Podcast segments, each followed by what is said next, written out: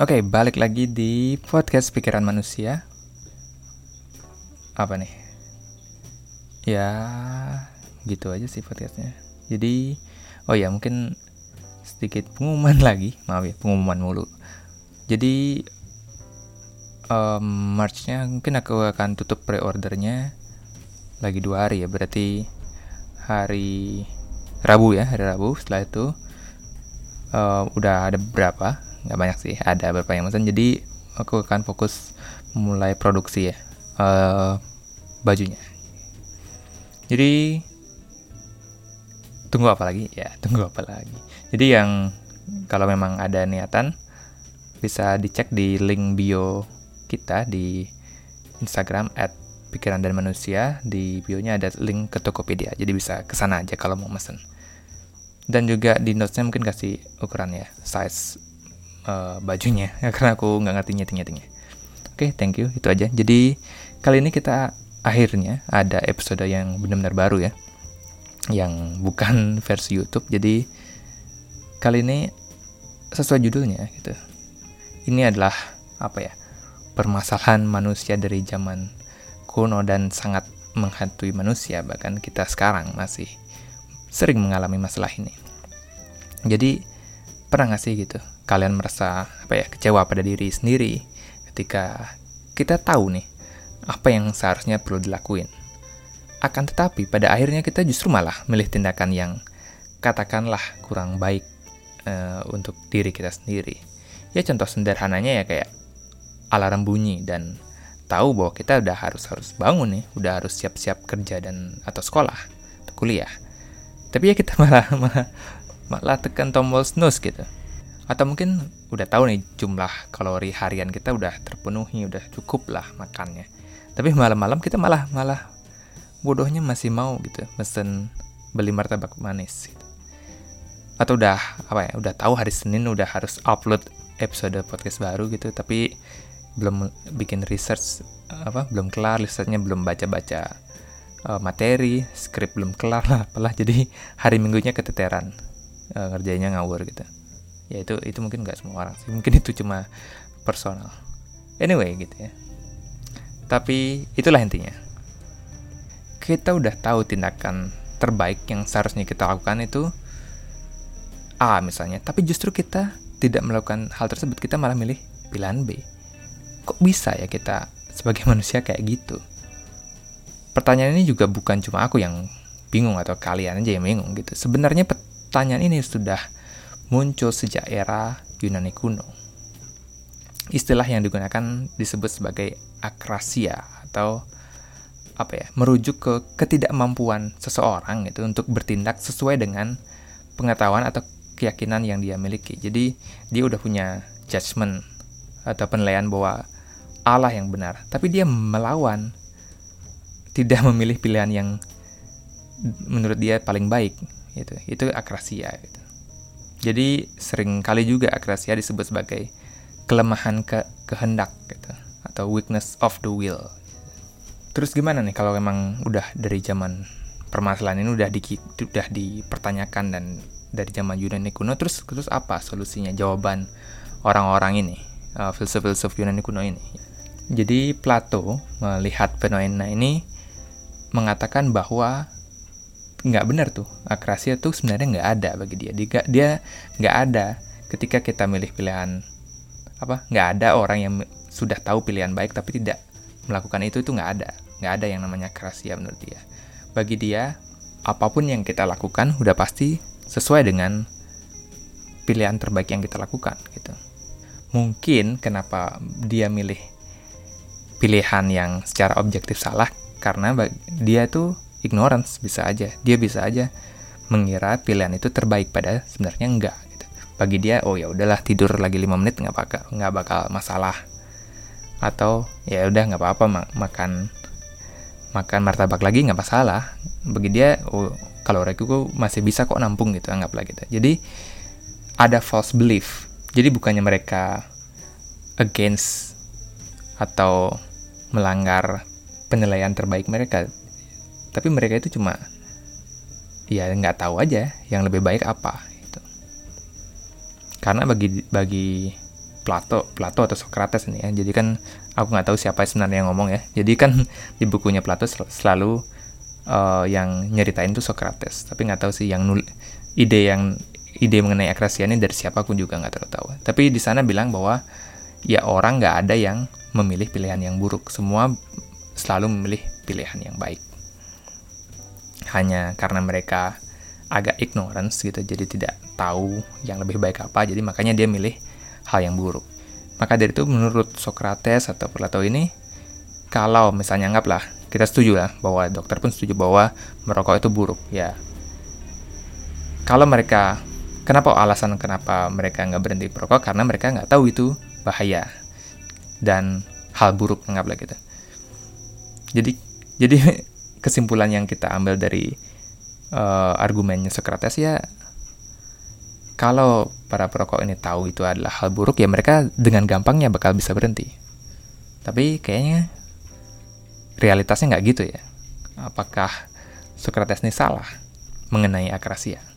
Ya soalnya kan kita lihat banyak juga perokok yang tahu itu salah, itu buruk, tapi tetap juga kan ngerokok gitu uh, salah satu argumen lain menurut Socrates kenapa akrasia itu sebenarnya nggak ada ya dia bilang bahwa meskipun orang perokok itu tahu mereka tahu itu itu salah. Tapi kenikmatan yang didapat dari merokok itu melebihi apa yang mereka anggap tadi itu perbuatan buruk. Jadi tetap overall secara keseluruhan tindakan terbaik karena dapat kenikmatan ya dari ngerokok itu tindakan terbaik bagi perokok itu ya merokok tetap gitu. Nggak nggak berhenti meskipun secara kesehatan kalau kita lihat itu salah tapi secara kenikmatan kalau dilihat bagi Socrates ya overall lebih bagus ngerokok. Nah itu uh, argumennya dia. Nah sekarang kita bisa lawan juga argumennya Socrates itu itu cuma argumennya dia itu cuma bisa berfungsi kalau kita ngelihat bahwa hal baik dan hal nikmat itu adalah suatu yang sama. Jadi goodness and pleasure itu the same. Itu baru kepake argumennya Socrates. Tapi kalau kita bilang bahwa nggak sama kok, hal baik dan hal nikmat itu nggak sama. Jadi kita bisa bayangin juga bahwa anggaplah kenikmatan dari seorang yang melakukan apa ya narkoba gitu. Yang yang menggunakan narkoba mengkonsumsi narkoba sorry. Itu mereka mendapatkan nikmat yang luar biasa. Tapi kita tahu itu bukan suatu yang bagus menjadi apa ya menjadi seorang edik gitu. Itu itu nggak bukan hal bagus walaupun kenikmatannya banyak. Jadi apakah jadi apakah kita masih bisa bilang bahwa itu adalah hal yang baik atau apa judgement yang terbaik atau pilihan yang terbaik untuk orang untuk kita. Nah di sana itu terlihat apa ya permasalahan dari idenya Socrates atau Plato ini. Nah sekarang kita pindah ke murid dari Plato, yakni ke Aristoteles. Kalau Aristoteles beda dengan Plato, ngelihat akrasia itu dia ngelihat bahwa itu adalah fenomena yang real yang ada dan bahkan bukan cuma mengakui keberadaan bahwa akrasia itu ada, dia juga bilang bahwa ada dua tipe akrasia. Bahwa yang pertama adalah akrasia yang muncul atau termotivasi dari passion atau dari apa ya hasrat kita. Karena ada hasrat inilah atau emosi inilah yang membuat uh, reason atau apa nalar kita kan kita dianggap karena kita bernalar makanya kita harusnya selalu memilih pilihan baik yang lebih yang paling baik gitu.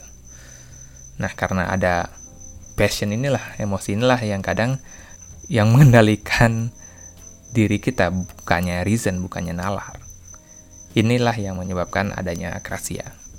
Jadi kita kita kaitkan dengan uh, fenomena ngerokok tadi ya bahwa meskipun banyak juga sih teman-temanku yang perokok tahu itu adalah hal yang harmful yang nggak sehat.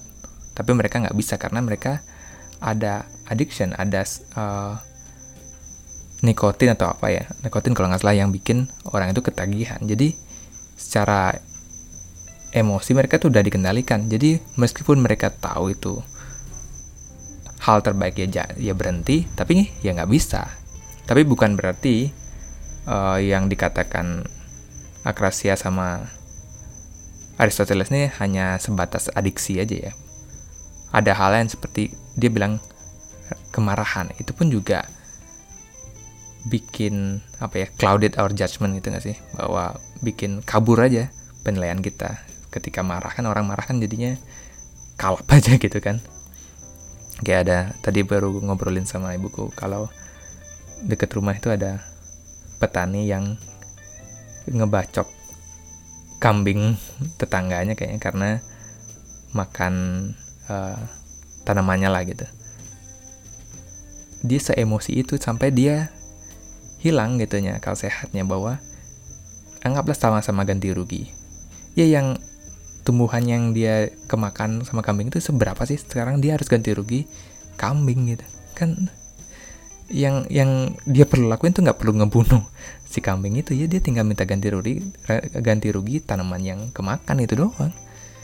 Itu kan gimana? Itu itu rasa marah itu juga bisa membuat kita uh, berada pada situasi apa atau melihat fenomena akrasia gitu. Bahwa hal terbaik itu kita nggak lakuin kita malah tunduk pada rasa marah terus tipe yang kedua ini yang ini yang gue agak ketampar sih mungkin ya nah tadi tipe yang pertama kan karena karena passion ya karena kita emosi marah atau kita terpengaruhi oleh obat-obatan misalnya atau teradiksi. Nah, yang kedua ini oleh karena kelemahan kita sendiri sebagai manusia. Jadi kalau kita lihat uh, kembali ke contoh sorry ya balik lagi ke contoh yang uh, proko tadi ya, meskipun mereka tahu itu salah, mereka mencoba untuk berhenti, tapi ujungnya gagal ya bagi Aristoteles ya karena kita lemah kita lemahnya kehendak kita untuk berhenti gitu. Jadi yang ku kenapa berasa ketampar ya karena kita tuh semua tahu pilihan yang terbaik apa. Kayak kita nggak perlu ada motivator ngomongin ngasih tahu kita hal baik harusnya gimana, harus A, harus B, harus kunci kesuksesan, harus apalah. Kita tuh udah banyak yang tahu. Yang kita masalahnya adalah kita tuh nggak mau ngejalanin aja gitu aja nggak sih? ya aku sih nggak tahu juga kalian yang bikin merasa benar-benar ketampar ya karena kebiasaan mungkin ya aku masih kurang disiplin itu masih kadang nunda dan apa ya menunda-nunda sih Pros, pro, procrastination gitu lah susah banget ngejanya itu oke setelah kita lihat apa ya filsuf-filsuf jadul ya dengan argumen-argumennya kita coba coba lihat uh, bagaimana uh, contemporary filosofer atau filsuf-filsuf yang sekarang ngelihat nih fenomena akrasia nih. Salah satu yang menarik yang aku baca itu dari uh, Donald Davidson bahwa uh, kita nggak apa ya kita nggak mengkhianati judgement apa ya judgement terbaik kita atau penilaian terbaik kita. Hanya saja di saat itu judgement itu selalu berubah bagi dia. Jadi di saat yang di saat kita memilih itu judgement yang terpilih ya judgement yang tadi misalnya anggaplah biar susah ya ngomongnya. Coba ilustrasikan saja. Jadi anggaplah kalian mau beli beli apa ya beli beli sepatu. Ada yang lihat diskon gitu. Sepatu mahal nih misalnya. Terus harusnya kalian tahu sebenarnya kalian harus nyimpen duit buat bayar kosan misalnya. Eh tapi malah kebeli tuh uh, sepatu itu. Kenapa bisa gitu? Kenapa kita harusnya tahu bahwa kita harus ada ada bayar kosan tapi kita malah beli sepatu? Nah pada saat itu pada saat kejadian beli sepatu itu menurut uh, Donald Davidson uh, sekilas itulah yang uh, di otak kita itu itulah yang terbaik bahwa kamu udah nge, mikirin pamer ke temanmu atau nyaman di kaki mau olahraga lari tapi kamu lupa akan pertimbangan bahwa harus ada bayar kosan jadi tetap kamu tidak mengkhianati uh, penilaian terbaikmu. Hanya saja waktu itu itu yang kamu anggap terbaik.